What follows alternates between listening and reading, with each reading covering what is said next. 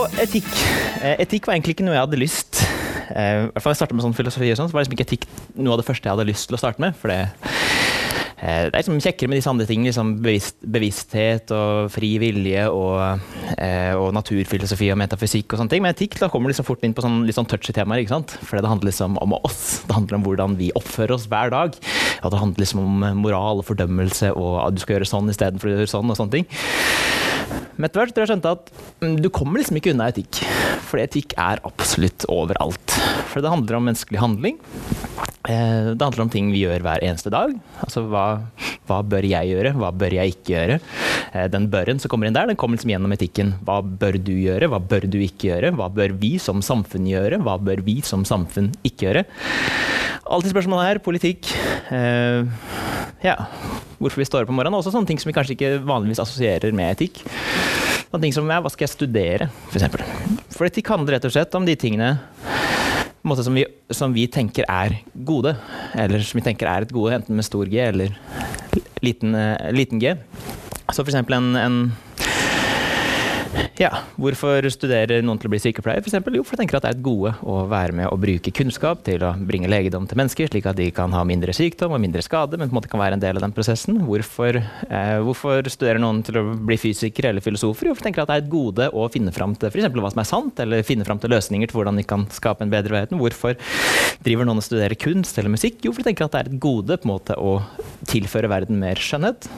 Hvis du går ut og ser på verden, så er ikke problemet at det er for mye skjønnhet. så la meg på en måte delta, la meg komme med litt mer. Eh, så basically så handler er på en måte etikk en ting som måte, sammenføyer seg da, med alle våre liv hver eneste dag, eh, hver eneste time. Så hvorfor, hvordan kan vi da ikke prate mer om det? Så jeg beskriver som seminaret. I vår kultur så er det mange som tenker at etikk bare er subjektivt. Det handler mer om følelser og instinkter enn fornuft. Flere filosofer har angrepet tanken om objektiv moral, men finnes egentlig godt og ondt? Så hvordan kan vi i så fall vite det? Og i alle dager er Gud med saken å gjøre? For det er klart at hvis etikk er kanskje, I vår kultur så er vi på en måte livredde for moralisme. ikke sant? Vi er livredde for mennesker som kommer der utenfra og på en påfører sine verdier på oss. Eh, og det gir veldig mening hvis, hvis på en måte, etikk bare er noe som er betinga til en kultur. Da. Eller etikk til og med er noe som bare er helt subjektivt. For Hvis jeg opplever på en måte, at noe er godt, men jeg vet at ja, det er bare mine emosjoner, det er bare mine følelser, hvorfor i alle dager skal jeg da på en måte gå og påføre det til deg? Og komme og stelle meg selv foran deg og si at vet du hva, jeg føler at dette er godt, derfor skal du gjøre det ja, men kanskje du føler det på en helt annen måte. Kanskje du føler at du skal gjøre noe helt annet. Så hvorfor skal da du høre på det? Og ofte når jeg snakker med folk, så sier liksom at jeg, jeg tror på godt og ondt, men jeg tror liksom ikke på godt og ondt med sånn stor G og sånn stor O, for da blir det fort sånn veldig teologisk. At liksom skal tro at det fins noe der ute som definerer hva som er godt og ondt. Men nei, nei, vi, vi, kommer sammen, og så bruker vi fornuften til å bestemme hva som er godt og ondt. Men hvordan kan vi bruke fornuften dersom ikke det er et eller annet ved den virkeligheten vi lever i, som måtte bære dette med seg? Nei, nei, det er ikke noe der ute, liksom. Men det er noe vi kommer sammen, og så blir vi enige. Å ja, men er da etikk bare enighet? Men eh, er det bra? Det kommer vi litt tilbake til. Så hva er på en måte, Hvis god, godt og vondt finnes, hva er i så fall godhet? Hva, hvordan kan vi leve godt, hva kjennetegner en god handling? Eh, siste året halvannet så har jeg skrevet en bok som kommer nå snart. Eller vi er flere som har skrevet en bok som handler om aktiv dødshjelp. Eller bare dødshjelp, som vi mener at det skal hete. Hvor vi da prøver å komme med de beste argumentene mot at det skal legaliseres i Norden. Så da har vi måttet studere ganske mye bioetikk, da, og hva slags grunner folk gir for de argumentene de kommer med. Så la meg bare starte med en fyr. Jeg mener han er en av vår tids dyktigste moralfilosofer, David Odeberg. Og han sier noe som er ganske ganske skummelt, eh, men eh, som likevel er kanskje viktig å, eh, å, å lytte på. A lot of the time the ends justify the means. Eller han hadde på en måte, en måte sett på sånne journaler og sånne ting, og hvordan folk prøver å begrunne da, konklusjonene sine for hvorfor vi skal gjøre sånn og hvorfor vi ikke skal gjøre sånn, for hvorfor vi skal eksperimentere med menneskelige embryoer, eller hvorfor vi skal gjøre sånn eller hvorfor vi ikke skal gjøre sånn. Og så liksom at, ja, men jeg kikker på disse papersene, så sier jeg a lot of the time the ends justify the means in as much as a bioethicist will use whatever argument they have at hand, whether good, bad or indifferent, to advance at prior agenda. In that sense, I suppose you could say they misunderstand the function of argument, which is to get to the truth, not to advance a previously adopted policy.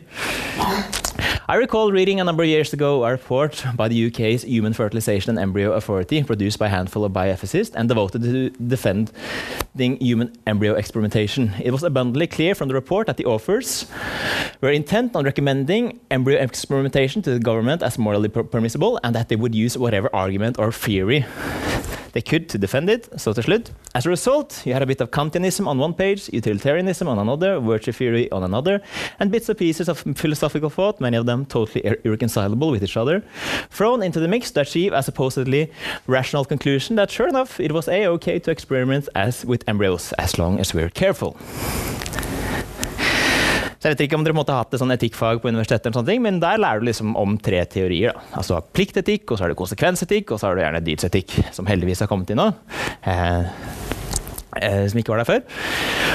Og så lærer du deg sånn ulike typer scenarioer hvor du skal bruke disse teoriene måte, til å ta, ta, stilling til hva du skal gjøre. For så har du for denne her trollien, den her eh, trikken som driver og kjører raskt ned mot et spor. og Så er den på vei, er den på vei mot å ta livet av fem mennesker, men så kan den liksom dra i en spake for å få den til å ta livet av bare én person. Er det på en måte rett?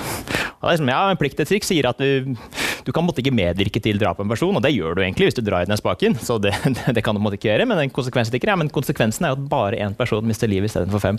Så det må jo være en bra ting. Liksom Lære å mikse og trikse litt med disse teoriene her, da. Problemet er at når du på en måte zoomer litt ut, og ikke tror at etikk fungerer på denne måten her i det hele tatt, at du bare kan mikse og trikse med noen sånne teorier, men at de står på en måte i ulike typer virkelighetsforståelser. Da. Og enda mer spesifikt for det vi skal snakke om nå, de har ulike måte, oppfatninger av hva som er det gode. Slik at Du kan liksom ikke bare bruke Kant der, og så kan du bruke litt konsekvensetikk, som er eh, utarbeidet av personer som Jeremy Bentham eller John Stuart Mill der, og så måtte jeg tro at ja, men de kommer fra vidt ulike steder, du kan ikke bare bruke de sammen. Så blir det veldig tydelig da, at her er det forfattere som egentlig har bestemt seg for hva konklusjonen er først. Og, det, egentlig, og det, som er, det, som er, fint med disse etiske teoriene, er at de er så fleksible at hvis du bare kan mikse og trikse med de som du vil, så kan de gjerne også komme fram til det du allerede vil. Men det er ikke det som er Se for deg at du, du, hadde gjort deg i naturvitenskap. da. For at du, du, hadde bestemt deg for konklusjonen først. Du hadde bestemt deg for hva du ønsket å komme fram til først. og så hadde du bare brukt ulike metoder og ulike prinsipper for å komme fram til den konklusjonen. Det hadde blitt sett på som dypt uærlig. For må ikke ting være andre veien? At du, måtte, du starter med noen første prinsipper. Så måtte, prøver du å gjøre de logiske resonnementene og finne fram til hva som måtte komme ut på toppen. En konklusjon. En etisk konklusjon eller en naturvitenskapelig konklusjon. Så hvis det er sånn f.eks. i naturvitenskapene, hvorfor skal vi da tro at det er noe annerledes i etikk?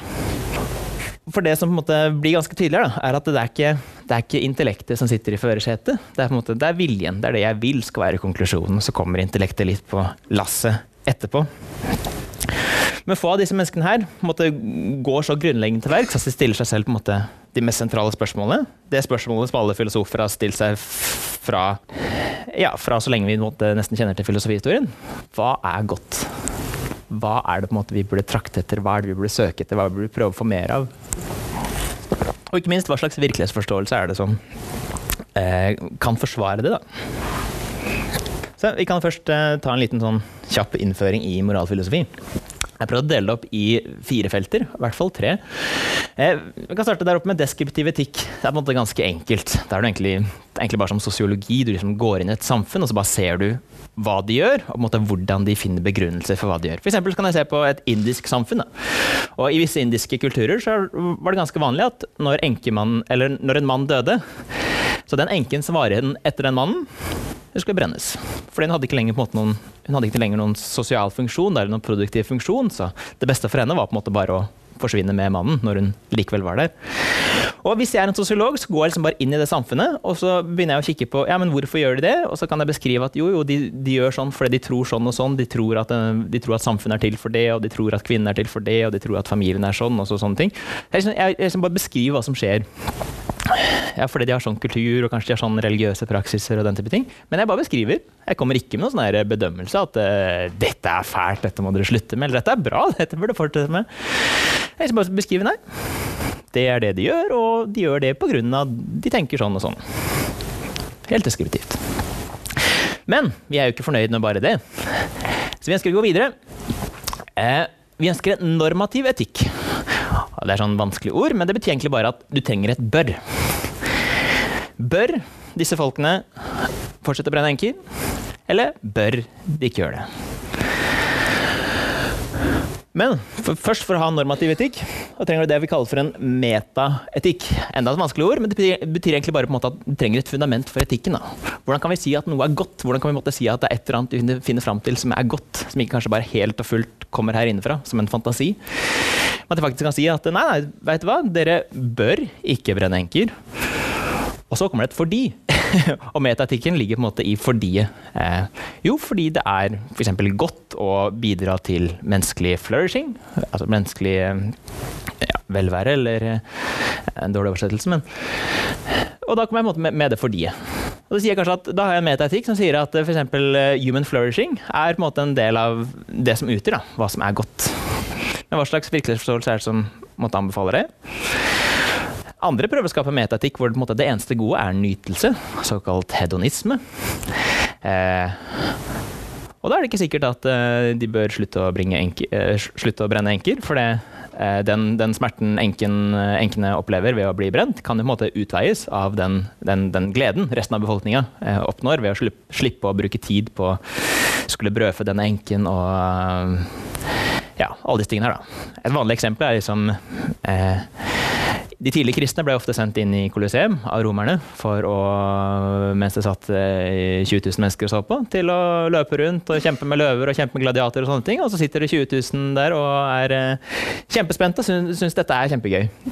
Eh, kan vi ikke da si at gleden som disse 20 000 menneskene opplever, og kanskje gleden som for så vidt løven opplever ved å få mat, kanskje utveier den, den smerten, da. Det kjipe som er å miste livet for én person. Altså én versus 20 000. Så jeg på en måte prøver å skape metatikk. da Vi ønsker å på en måte skape et grunnlag for hvordan vi kan si at noe er godt. Og anvendt etikk så prøver vi egentlig bare å finne reelle situasjoner i samfunnet her til å anvende dette her på. For etikk kan jo fort bli veldig sånn abstrakt og veldig langt der ute. Men anvendt etikk da liksom prøver vi å si at det er f.eks. sykehusetikk. Hva skal vi gjøre når vi må prioritere ressurser mellom pasienter? Hvor, hvor langt skal vi gå? Hvor, dyr, hvor, dyre kreftbehandlinger eller hvor dyre behandling kan vi tillate oss? Eller forretningsetikk. Hva gjør vi på en måte når bedriften er i en sånn, sånn situasjon? Da må vi prøve å gjøre det veldig konkret og praktisk. praktisk da. For at, jo, for at hvis snakket vårt om moral skal være meningsfullt, så trenger jeg en eller annen form for metaetikk. For det metaetikk ligger til grunn for normativ etikk. Og hvis jeg skal si at du bør ikke gjøre noe, eller du bør gjøre noe, eller jeg bør gjøre noe, eller du, jeg bør ikke gjøre noe, så må det komme et fordi. For Si f.eks. at jeg har ett perspektiv, og så har du et annet perspektiv på en ting. Altså, Vi står der, og så har vi en krangel. Eller vi, vi er i hvert fall uenige om et eller annet. Det er, ingen, det er ingen måte vi kan bli enige om, om ikke en av oss kan vise til noe vi i hvert fall grovt sett kan kalle for kunnskap. Til noe som er en slags sånn standard utenfor oss selv. Da. Så hvis uenigheten vår skal oppklares, må det være fordi det finnes noe sånt som moralsk kunnskap. Det finnes noe sånt som moralske fakta. Si f.eks. at vi to diskuterer om hva som er uh, hovedstaden i Frankrike. Uh, jeg er skråsikker på at det er, uh, det er Nis, mens du mener nei, det er, det er, Paris. Det er helt feil. For at vår uenighet skal oppklares, så må vi kunne henvise til et eller annet, en virkelighet utenfor oss selv, hvor det på en måte er fakta at Paris eller Nis er hovedstaden i Frankrike. Og så kan vi gå og sjekke. Kanskje vi kan spørre noen andre som vet bedre enn oss. Eller kanskje vi kan kikke på et kart, eller kanskje vi kan ta en flytur hvis Greta Thunberg tillater oss det. Og så kan vi finne ut måte, hva som er fakta her. da. Så kan vi oppklare vår uenighet, og så da finne ut at du hadde rett og jeg hadde feil. Hvis, men, men med samme måte, i en sånn moralsk uenighet Hvis eh, jeg mener at nei, det å brenne enker det, det, det, er moralsk forsvarlig, mens du mener at nei, nei, det er ikke moralsk forsvarlig, er det da på en måte noe vi kan vise til? Noe sånn tilsvarende? Kan vi spørre noen andre? Kan vi dra et sted? Kan vi sjekke et eller annet sted for å finne på en måte ut hva er svaret? Fordi hvis, hvis, vi er uenige om måte, moral, så er det fordi jeg mener på en eller annen form at jeg har mer kunnskap enn deg. Og hvis du bare hadde visst om den kunnskapen, eller hvis du på en måte bare hadde forstått perspektivet mitt, da, så burde du også latt deg overbevise. For vi, Hvis ikke du på en måte burde latt deg overbevise av det jeg vet, så vet jeg ikke helt hvorfor vi har den samtalen her i utgangspunktet. Og litt på, måte, på samme måte som f.eks. som med høyde hvis jeg, hvis jeg, sier at uh, jeg er høyere enn deg, men så sier du at nei, nei, du er høyere enn meg, så finnes det heldigvis en måte vi kan avgjøre det på. Vi kan måtte henvise til en standard som er utenfor oss selv, en såkalt høyde. Vi kan, uh, vi kan stille oss opp ved siden av hverandre og så kan vi si at i henhold til en standard utenfor oss selv, høyde, så er jeg høyere enn deg, eller du høyere enn meg. Dette er den opprinnelige meterstaven som seinere metere ble utarbeida etter. Og det er på en måte en måte å uttrykke det på. da. Så kan vi sette den meterstaven mellom oss og kan finne ut at vet du hva, jeg er litt mer meterstav enn det du er, så derfor er jeg høyere enn deg. Poenget er ikke at det må være en meterstav, altså det kan jo være mange måter å uttrykke høyde på, men det er jo i hvert fall at det finnes en referansestandard, det finnes noe vi kan peke til som er utenfor oss selv, for å oppklare vår uenighet. Så det fins noe sånt med høyde. Men fins det også noe sånt med etikk? Fins det noe sånt som godhet? Hvor måte, vi kan måle, da. Sagt, hvor vi kan peke til et eller annet som er utenfor oss selv, som kan uttrykkes på mange ulike måter. Som måte kan oppklare vår uenighet og si at jeg har, eh, jeg har feil, og du har rett. Og der starter jo egentlig i hvert fall den mest populære delen av vår filosofihistorie. Hvor Platon går inn og sier at jo, det fins noe slikt som formen av det gode. Og formen av det gode er på en måte der hvor vi måler alle, alle ting. Da. Det fins en referansestandard som er utenfor oss selv.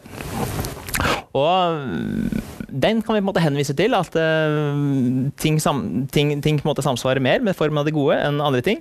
Så da har vi på en måte en, en da har vi noe som redder oss. Da Da har vi endelig noe som kan skape den uh, standarden, og som kan oppklare uenigheten vår. Og vi har en metaetikk i en grov forstand. Og plutselig så blir på en måte moralsk språk eh, det blir meningsfullt. da. For Hvis vi bare snakker om mine følelser og dine følelser, så blir det ikke veldig meningsfullt. Men plutselig så blir dette meningsfullt.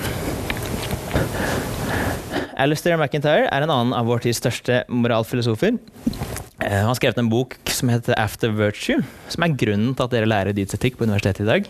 For det måtte brakte dydsetikk tilbake. da. Tradisjonelt så var på en måte dydsetikk var eh, ja, the big stuff i 2000 år fram til roughly opplysningstida. Eh, hvor man prøvde å løse det på en annen måte. Men etter hvert så har man skjønt at det, det går ikke. Så vi måtte tilbake til denne dysetikken, mente, mente McIntyre. Eh, og den After Virtue er en slags sånn sammenfatning. Det er en slags sånn eh, ja, Han måtte prøvd å forklare hvordan, hvorfor er vi her vi er. En slags sånn idéhistorie om etikk. Eh, og kort fortalt, så etter at eh, personer som René Descartes, David Hume og Immanuel Kant måtte begynte å så tvil om hvorvidt vi faktisk eh, kan ha kunnskap om måte, godhet og eh, moralsk kunnskap om verden, så prøvde, hadde man mange ulike forsøk på å prøve å reetablere en sånn rasjonell standard for etikken, en metaetikk såkalt. Men man feila gang på gang på gang på gang. Så på, starten av 1900-tallet så vokser det opp eh, noe som kalles for emotivisme. Tenk på ordet emotion. Emotivisme. Som er der vi, litt der vi kollapser, da og som fortsatt egentlig har et ganske tett grep på oss. Jeg tror Hvis du måtte leser i aviser eller snakker med venner på universitetet, så vil du merke at det, det er noe som gir gjenklang hos mange. Så McIntyre skriver at when two people disagree about what it is or would be good for someone to do or have, they are then on an expressivist view, eller emotivist view, disagreeing in their preferences, endorsements, attitudes of approval, concerns, desires, passions, or some combination of these. These are not disagreements concerning some matter of fact, concerning something independent of the psychological stances or states of those who find themselves in disagreement. Så kort fortalt, når jeg måtte si noe om hva som er godt og ondt, så uttrykker jeg egentlig bare mine emosjonelle preferanser. Eh, så hvis jeg, hvis jeg, hører om det at det fins indere som brenner enker så kjenner jeg på en sånn veldig vond opplevelse. ikke sant? Eller hvis jeg ser en mor som måtte, eller hvis jeg ser en far som slår barna sine, så kjenner jeg på, på en sånn veldig vond følelse veldig vond opplevelse. Det er ikke, det er ikke i samsvar med mine preferanser. Men jeg kan ikke gå fra det til å måtte si at det er objektivt galt eller objektivt verre å gjøre det. For det eneste jeg kan si, er på en måte fakta om mine personlige preferanser. Og da sier på en måte McIntyre at eh, det å si at noe er ondt, eller det å si at noe er godt, det f.eks. å si at enkebrenning er, eller det at en far slår barnet sitt, er ondt, er egentlig bare det samme som å si boo. Eller det å si at uh, det å elske sine barn er godt. Egentlig bare si yeah! Det er måtte bare bare heiarop, da. Nær sagt. Litt flåste, men det er måtte hans forsøk på å gjøre dette litt humoristisk. For slik vi implisitt tenker det, så handler egentlig etikk egentlig om kunnskap, om fakta. For det, du skal ikke Du kan godt ha mennesker som sier i et øyeblikk at ja, men jeg tror ikke at godt og ondt virkelig er, eller noen sånne ting. Eller jeg tror i hvert fall ikke på noe godt og ondt med stor G og stor O. Man kan spørre ja, men hva er forskjellen på at, om det er stor eller liten bokstav? Poenget er at i, i, neste, i, neste, øyeblikk så går du ut i en politisk debatt og så sier de at nei, nei, vi må satse mer på utdanning eller vi må satse mer på helsevesenet. eller sånne ting. Og hele veien der så ligger det implisitte antakelser om hva som er godt eller hva som er vondt. Så når du måtte sier noe om hva jeg bør, eller du bør, eller samfunnet vårt bør, så kommer du ikke unna disse typer spørsmålene her. Så egentlig, sånn vi implisitt tenker om dette her, så handler jo faktisk etikk om kunnskap. Og det er veldig vanskelig å komme utenom. Slik som alle andre vitenskaper. I etikk så fins det rette og gale svar, eller i hvert fall bedre og verre svar. To personer kan være uenige om hva som er en god løsning. Noen ganger så er uenigheten helt legitim fordi det er ulike perspektiv, eller konteksten spiller en rolle, mens andre ganger så skylder uenigheten i at den ene eller begge har feil. Hvis for jeg og kona mi er på butikken eh, på Coop Rix, og så har vi handla masse, så nå kommer hun ut av døra med, eh, med en sånn tunge handleposer. Eh, og da vil du kanskje tenke at ja, som gentleman så burde jeg gå og hjelpe henne. og tilby ja, skal jeg ta noen av de posene der. Men jeg gjør ikke det. Jeg bare, jeg bare løper opp på veien, og så dytter jeg et barn over ende. Tenker at oi, ikke bare gjorde det ikke, ikke, bare ikke gjorde det, det, du burde, men du gjorde faktisk noe helt forferdelig i tillegg. Men hva hvis jeg på en måte brer ut konteksten litt og sier at vet du hva, jeg, skulle, jeg, var på vei til å komme og hjelpe deg med handleposene, men i det så så jeg at det var et barn som sto på veien, som holdt på å bli overkjørt av en buss som, ikke, som kom rundt en sving som ikke en så. Så Derfor så prioriterte jeg heller å løpe opp og få det barnet ut av fare. Da går på en måte det som isolert sett så ut som en ganske fæl handling, tar det mot et større perspektiv, så er det oi, det var faktisk en god, god handling. Så måtte til og med rettferdiggjorde at jeg ikke hjalp kona mi med, med bæreposene. Sånn kan det være noen ganger, mens andre ganger så er det kanskje ikke helt sånn. Og McIntyre kommer tilbake til at eh, vi har egentlig bare to altså Han har studert måte hele etikkhistorien, og så kommer han tilbake til at nei, vi har egentlig bare to alternativ. Enten så har vi han eh, han til venstre er Aristoteles, eller så har vi han til høyre der, mens storebarten og syfilis er Friedrich Nietzsche. Og vi må velge mellom én av de to. Hvorfor vi velger mellom én av de to? Finnes det ikke mange mennesker vi kan velge mellom? Jeg kommer litt tilbake til det. Ja, eller han, han, prøver å forklare, da. What I had recognized was that the failure of the Enlightenment project left open two alternatives to reconstruct the moral theory and communal practices.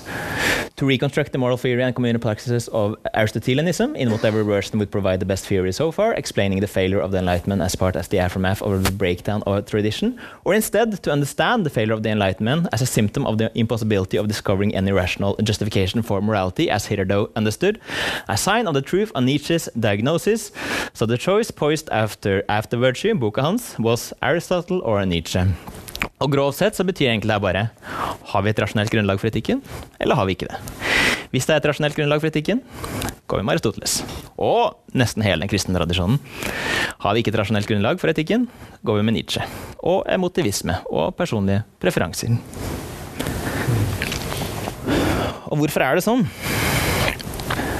Jo, for om vi skal finne ut noe faktisk er godt eller vondt, bedre eller verre, så virker det at vi har et par alternativ. Altså, det fins mennesker som tenker at ja, vi kan bruke naturvitenskap til å finne ut hva som er eh, hva vi burde gjøre. Det tror jeg er ganske lat. For det naturvitenskap, hvis du kjenner til litt vitenskapsfilosofi, har utelukkende såkalt deskriptive påstander. Du kommer bare deskriptivt, da. Men som vi sa i stad, vi, vi, vi, må forbi det deskriptive. Så vi kan finne ut det ganske mye. Naturvitenskap kan hjelpe oss. At vi kan finne ut hvordan vi best prioriterer ressurser for å lage vaksiner som utrydder polio. Vi kan finne ut hvordan vi best kan utdanne fattige barn. Eller hvordan vi kan Nei. Men hvorvidt det er en god ting å kurere sykdommer, eller hvorvidt det er en god ting at mennesker har kunnskap, det er naturvitenskapen helt taus. Og vi bør ikke late som at den gir oss svarene, for da kommer til å miste autoriteten sin. for da etter hvert så skjønner vi at nei, det gjør den ikke. Så de, de, de, det er ting som vi må løse først, da. Den må løse med filosofi og andre typer verktøy. Ting som tillater oss å si noe om metaetikk og normativ etikk. For det, som sagt, Naturvitenskap er kjempebra hvis vi først kommer fram til at vet du hva, dette er en god ting. Ok, Nå bruker vi naturvitenskap til å finne ut hvordan vi kan oppnå denne gode tingen, eller hvordan vi kan maksimere denne gode tingen. Men først så må vi på en måte finne ut til hva som er godt og ondt. For vi kommer aldri til å kikke i teleskop eller et reagensglass eller utføre forsøk eller putte ting inn i matematiske modeller og finne ut oi, sannelig var det godt. Det hadde jeg ikke trodd. Så kan vi ikke bare bli enige om hvordan det er fornuftig for oss å leve, og hvordan det er fornuftig å etablere gode samfunn. Og jeg tror det finnes to alternativer. Vi kan bli enige om at noe er godt, nettopp fordi vi har identifisert noe som kan kalles godt, som måtte eksisterer uavhengig av oss. Eller alternativ to er at vi kan bli enige med at noe er godt. Det som vi på en måte nå kaller godt, er på en måte fullt og helt eh, betinga av vår enighet. Vi veit begge to at det vi kaller godt, er bare godt fordi vi er enige om det, men vi fortsetter måte å, å si at det er godt for det funker. I første tilfelle så vil moralfilosofi være en rasjonell øvelse. For det vi forsøker faktisk å oppdage noe som virkelig er det. For forsøke å faktisk si noe fornuftig om hvordan ting faktisk er. Hvordan virkeligheten faktisk er. På samme måte som vi kan bli enige med at f.eks. evolusjonsteori eller spesiell relativitet beskriver naturens utvikling og funksjoner på en god måte. Mens i det andre tilfellet, hvor det bare er enighet, så vil jo moralfilosofi være en arasjonell øvelse. Og det vi driver med, har egentlig ingen sammenheng med, med en virkelighet utenfor oss selv. Eh, så det vi snakker om, er egentlig ikke godheten, det er liksom bare enighet. Jeg kan eh, Ja, så igjen, jeg kan, jeg kan, si at jeg føler på ubehag ved å se en mann som slår barna sine, eller ved å se noen sende jøder på konsentrasjonsleir, men jeg kan ikke si noe om dette er virkelig godt eller ondt. Så det å oppdage moral er ikke en øvelse for intellektet, men bare ren vilje. Og da er vi nihilister. Da følger vi Nietzsche og sier at ja, men det er ikke mulig. For hva om det faktisk er sant? Hva om ikke det er mulig å finne noe fundament for etikken? Da har vi ikke noe annet, da. Da burde vi egentlig bare Ja, vi burde bare se det i øynene. Som, som Nietzsche sa, at vi er beyond good and evil. Som var hans hypotese. For f.eks. nordmenn er i stor grad enige om at likeverd er en god ting. Vi er enige om at uh, ytringsfrihet er en god ting, mens indere mener at sortering av jenter kan forsvares. Eller kinesere nei, vi, får jo bare ett barn, så da bringer det kanskje også mer økonomisk sikkerhet dersom det ene barnet er en gutt enn en jente. Vi tenker at ytringsfrihet er høyt, mens kineserne tenker at ja, litt sensur må være greit. Vi må kunne ha en slags sånn ja, det de for så vidt det de driver med nå, hvor de på en måte måler ytringen din i offentlige rom, og så gir de deg en karakter. da. Og hvis du får for dårlig karakter, hvis du sier litt for mange negative ytringer, f.eks. Om, eh, om myndighetene, så får du ikke lenger mulighet til å reise ut av landet, eller til og med reise mellom stater. Så ytringsfrihet ja, ikke ikke så viktig for oss. Men hvis etikk egentlig bare måte, kan reduseres til enighet, så er jo, er jo inderne og kineserne ganske mange flere enn oss. Så hvis vi måtte, skulle, bare skulle satt oss sammen i et verdensråd og på en måte finne fram til hva som er godt, og godhet egentlig bare er enighet, så er det ganske stor sjanse for at vi hadde tapt. Her kommer disse nordmennene med sine fem millioner mennesker, og så er de 2,4 milliarder mellom de to, mellom de to landene. Kanskje det er vi som burde revurdere hvordan vi tenker om likeverd og ytringsfrihet. Men hvis ikke vi skal velge Nietzsche, da. Hva er det som er så spesielt med Aristoteles som gjør at, kan, gjør at vi kan si noe fornuftig om moral i utgangspunktet? Jo, han har en såkalt teleologisk naturforståelse. Som sier at du kan oppdage moral med fornuften. Jeg kommer litt tilbake til. Teleologisk er et vanskelig ord. Kommer fra ordet telos. Telos betyr mål. Han sier at alle ting i naturen har et mål. En plante har et mål om å bli en best mulig versjon av seg selv. Å vokse opp, ta til seg næring, blomstre, bringe frukter. Dyr har et mål om å bli den best mulige versjonen av seg selv. Det kan vi bare se på dem. Altså, øh, apekatter er utvikla på en sånn måte som gjør at de er mer egnet til å hoppe rundt i trær og spise en viss type næring. Mens løver er utvikla på en annen måte som gjør at ikke de burde hoppe rundt i trær. Eh, og at de har skarpe tenner som gjør at vi også kan si et eller annet om at de er rovdyr. Så det forteller oss et eller annet om hvordan de kan bli den best mulige versjonen av seg selv. Men hvordan, hva om det også er noe sånt, et, også er noe sånt med mennesker? Grunnen til at vi i dag har så store problemer med å tenke at moral faktisk er noe vi kan oppdage ved observasjon og fornuft, er fordi det var en liten kjekkas het David Hume. En skotsk skeptiker på eh, seint 1700-tall. som sa at nei, du kan ikke utlede et bør fra et er. For du kan observere naturen, du kan se, se, hvordan ting er, men naturen i seg selv den bærer på en måte ikke noen verdi, den bærer ikke noen mening med seg. Så du, du, kommer på en måte ikke forbi det. da. Du kan, du kan si veldig mange ting om er. Om, om, at det er bra for planter å få, få, få, sollys og rent vann, og at det er litt dårligere for planter å bli øh, øh, øh, nå bruker jeg god og, god og dårlig. nå prøvde jeg å snike inn noen verdi der. Jeg, si, jeg, kan, jeg, kan, si at en plante, en plante, blomstrer når det er tilgang til eh, rent vann og sollys, og en plante visner hvis jeg setter den i en kjeller og gir den whisky istedenfor vann. Jeg kan si at et ekorn eh, virker til å ja, er, er, mer aktivt dersom det får lov til å være ute i det fri, klatre i trær, spise nøtter. Mens det virker som at ekornet dør litt hen da, og blir litt deprimert dersom jeg måte, plutselig setter i et bur og bare fôrer det med tannkrem istedenfor nøtter. Men, og jeg kan til og med si med mennesker at det kan komme en sånn sosiologisk undersøkelse som sier at ja, men, ungdommer som er vokst opp med begge sin, med, måte, to stabile foreldre virker til å være under, underrepresentert i f.eks. kriminell statistikk. At uh, ungdommer som er vokst opp med bare én eller ingen foreldre til stede i sin oppvekst, gjerne er overrepresentert i, uh, i fengsler rundt omkring. Men jeg kan ikke gå fra det. Dette er bare rene beskrivelser. ikke sant? På samme måte som jeg beskrev det indiske samfunnet som brente enker i stad. Jeg kan ikke gå fra det til å måtte si at bør. Til å si at planter bør eh, settes i sollys, eller at uh, ekornet bør settes fri og gis nøtter, eller at et, uh, mennesker bør ha to foreldre. Eh, to stabile foreldre som er der eh, under, under, hele oppveksten, det kan jeg ikke gjøre. Rett og slett fordi naturen har ikke noe mening. Naturen har ikke noe dypere, dypere verdi. Naturen har ikke noe telos. Naturen har ikke noe mål i seg selv. Og dette er en ren sånn filosofisk konklusjon da. fra et ganske langt eh, spennende for så vidt, resonnement. Og det har på en måte fortsatt preget vår filosofi i dag, da, fordi vi, vi tror på Hume. Hume satte nesten en sånn stopper for dette opplysningsprosjektet med å prøve, prøve å kunne forstå moral bare med fornuften. Elisabeth Anscombe, en moderne aristoteliker og, og en av de, de, dyktigste moralfilosofene på 1900-tallet, eh, hennes kritikk mot Hume er at dette bare er rent tøv, og at han straks ville sulte til hjel. For, for Hume kunne ikke engang klart å slutte seg fra det, den beskrivelsen at 'jeg er sulten', til at 'jeg bør spise'. For da går det fra at 'er' til et 'bør'.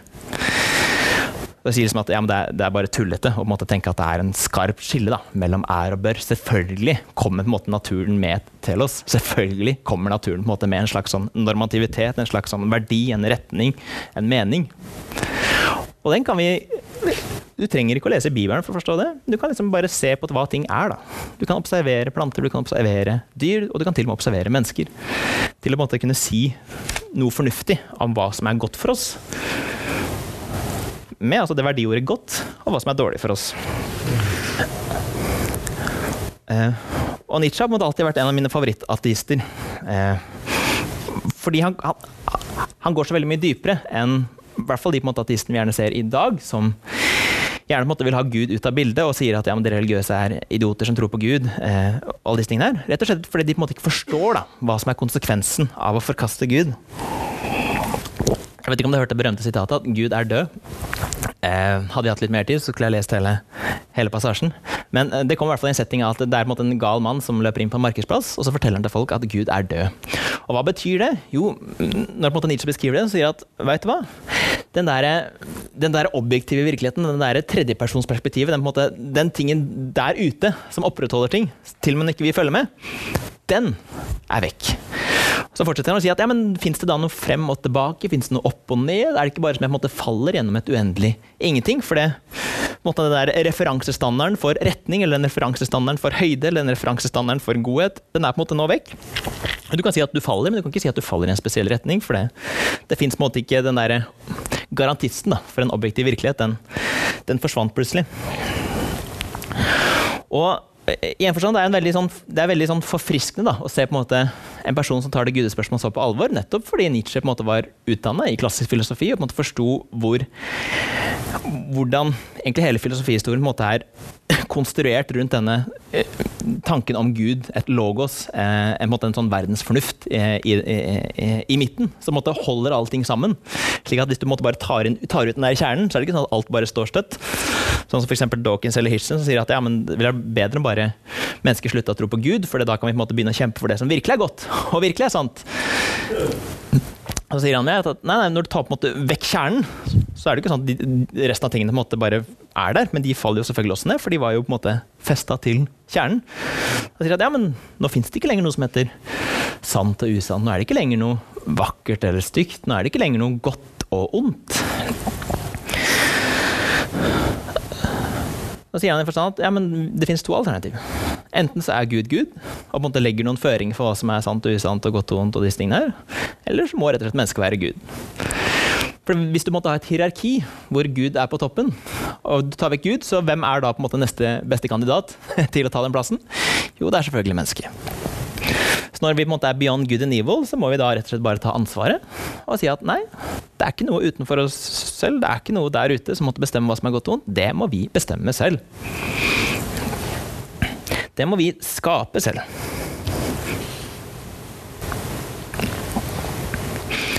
Så McIntyre sier at For it was Nietzsche's historic achievement to understand more clearly than any other philosopher, certainly more clearly than his counterpart in Anglo-Saxon emotivism and continental existentialism.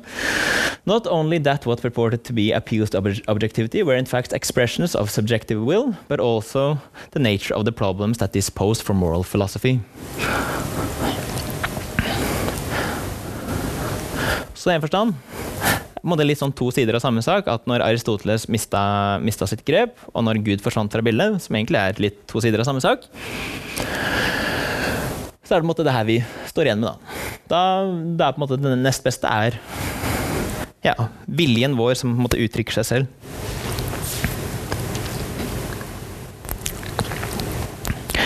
Og selvfølgelig, hvis du, hvis du, går rundt blant vanlige nordmenn i dag, så vil de tenke at dette her var veldig rart trenger ikke Gud for å være god.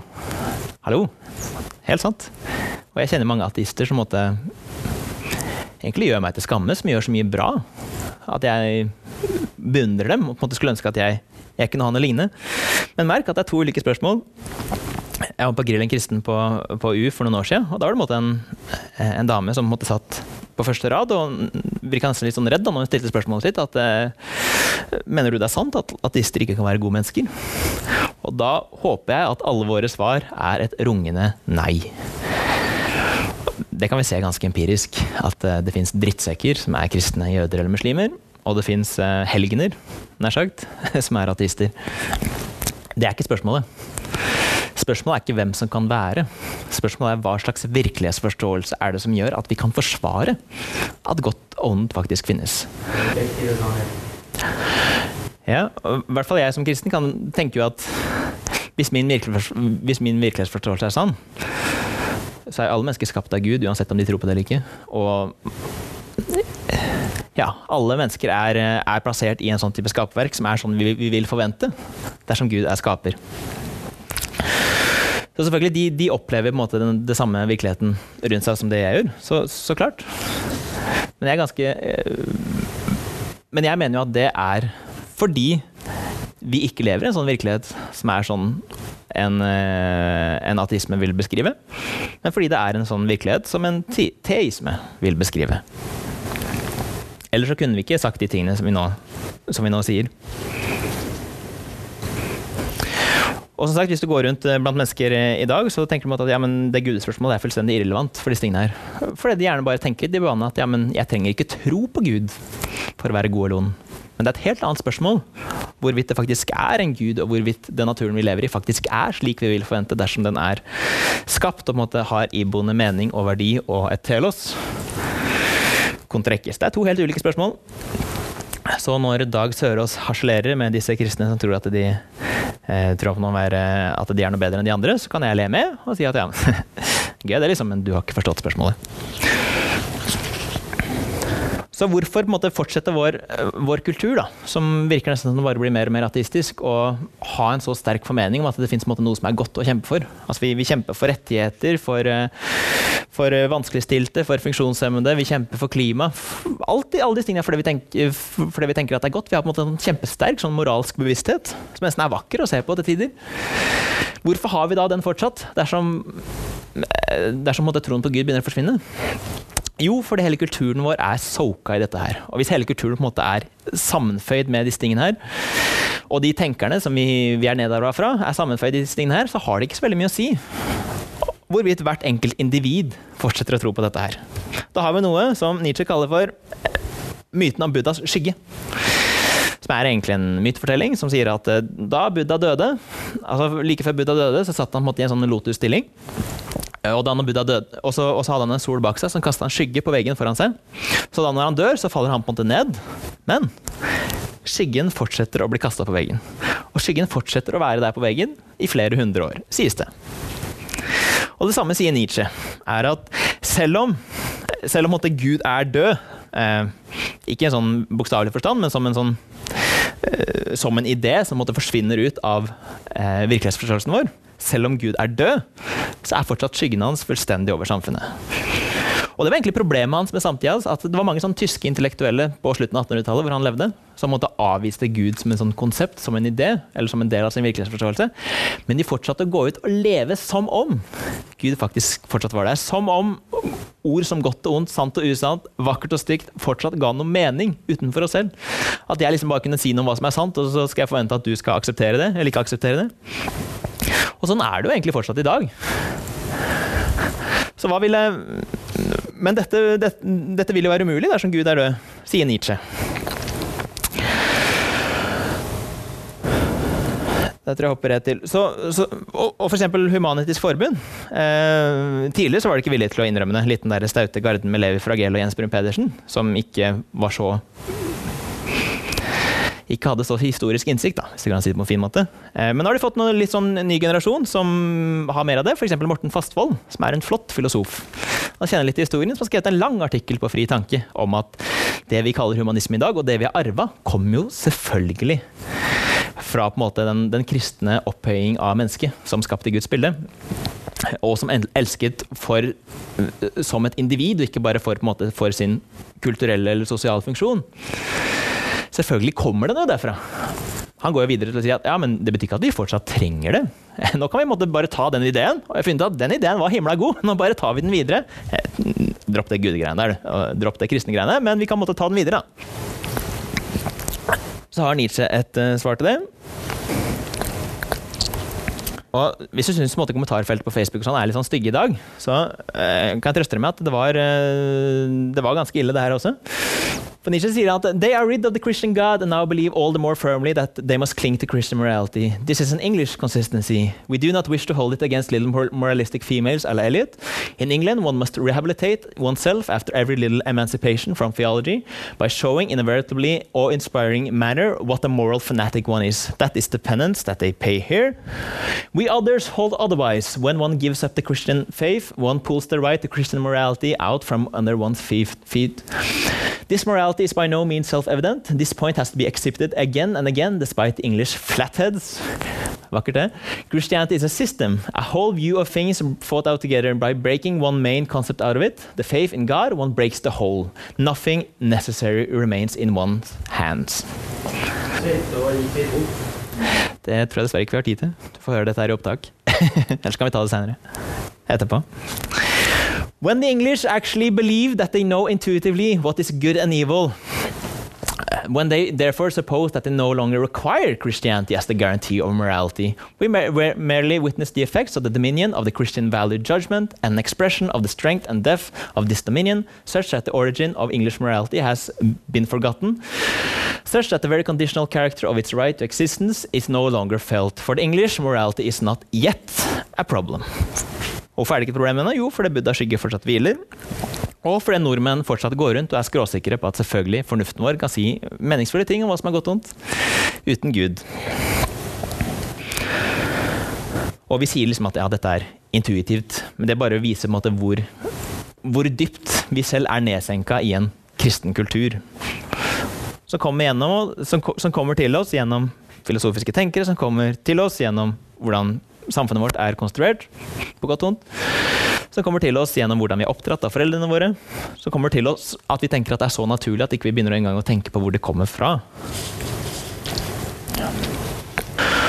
Og en annen, Det er nesten vi kaller for, for Nietzsches nærmeste arvtaker i dag. En filosof som heter John Gray. Ateisk idéhistoriker på landet School of Economics. Eh, at de på en måte, også det at Vet du hva? Denne her kulten av sannhet det er på en måte en sånn etterlevning da, fra kristendom.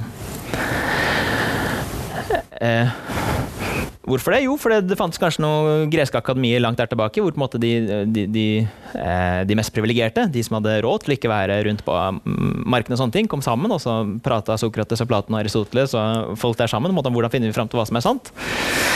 Så kommer kristendommen inn i historien med den revolusjonen at sannhet måtte ikke bare er noe som hadde vært fint å ha, Men plutselig så er det en historisk person som kommer inn der og sier at vet hva? Sannhet er ikke bare en abstrakt greie der ute som er fint å finne hvis det fantes. Men jeg er veien, sannheten og livet. Så plutselig fra måte, det, det, å, det, å, leite etter sannhet, og til og med det å tilbe sannhet, er noe liksom som noe de få, de få privilegerte menneskene i samfunnet eh, gjør, er plutselig på en måte blitt noe som alle kristne er forventa å gjøre. Og det syns også Nietzsche var veldig kjipt. Han kaller kristendom for platonisme for folket.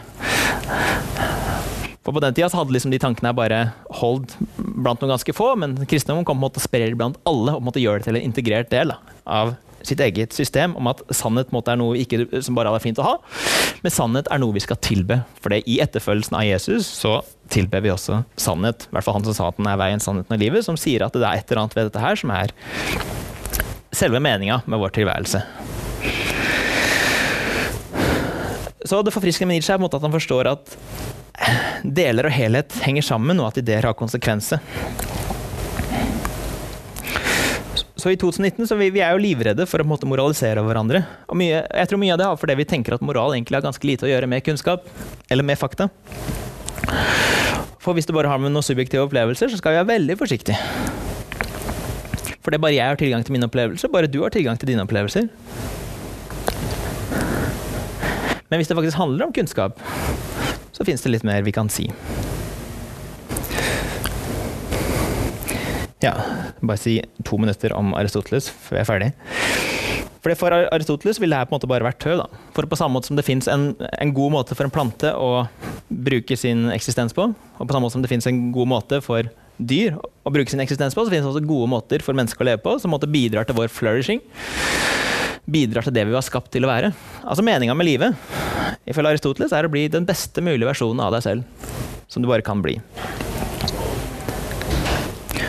Så vårt, vårt, mål, vårt telos, er en objektiv størrelse. Og våre etiske handlinger kan måte bedømmes ut ifra eh, i hvilken grad vi, måte, vi, vi, vi, oppfyller det, eller vi ikke gjør det.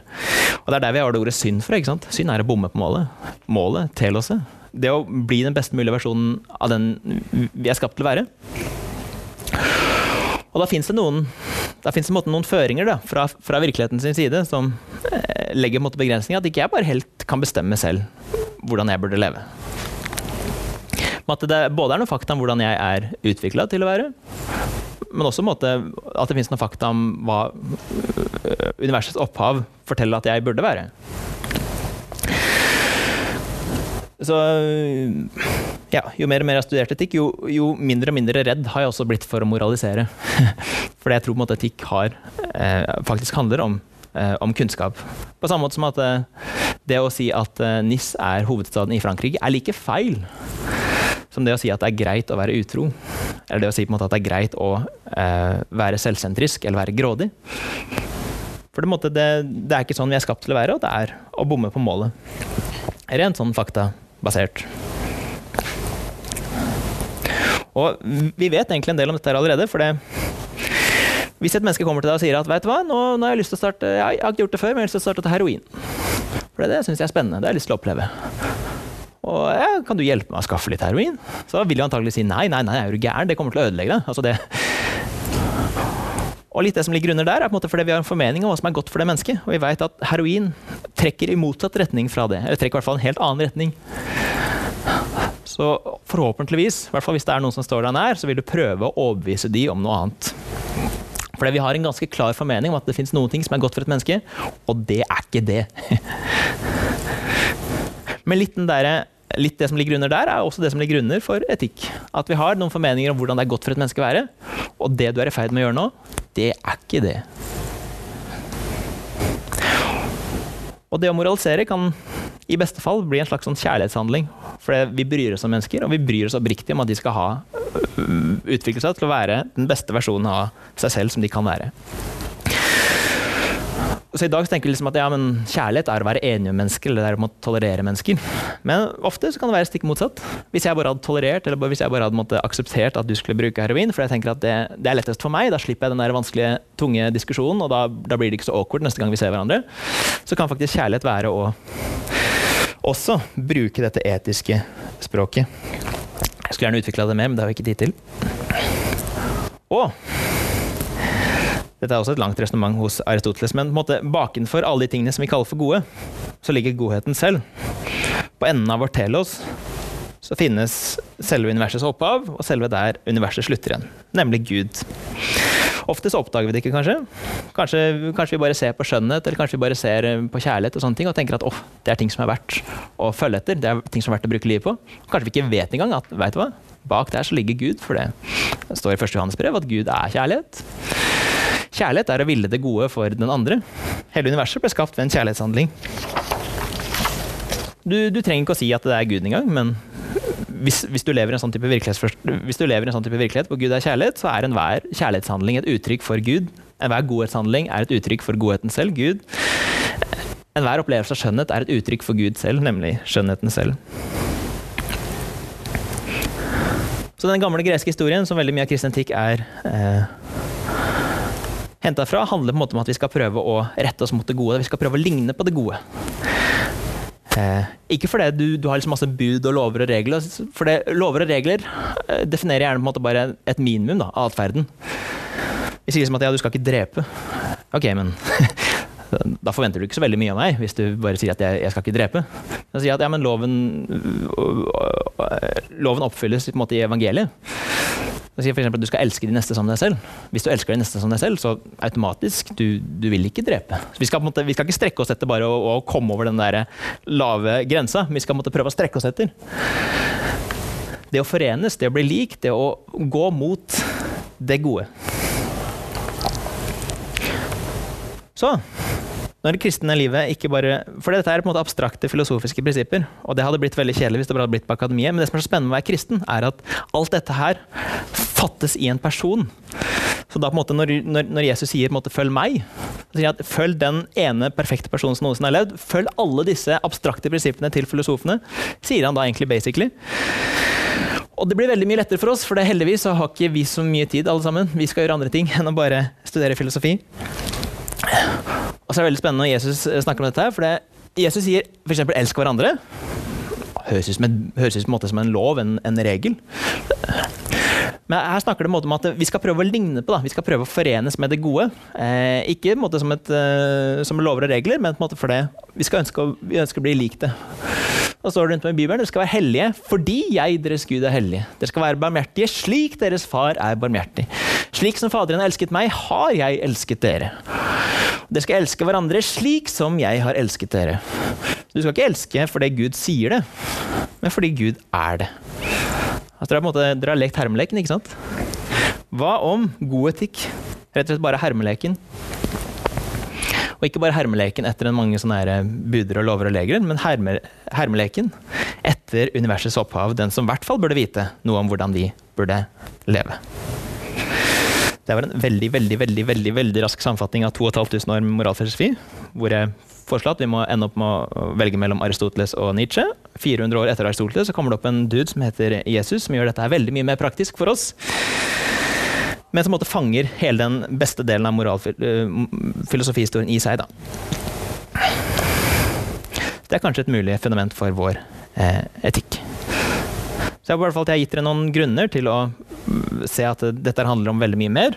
Jeg håper jeg kanskje har gitt noen grunner til å velge Aristoteles, men aller først og fremst så håper jeg at dere har gitt noen grunner til eh, ja, å se på livene deres gjennom den linsa og være dedikert etterfølgere av Jesus.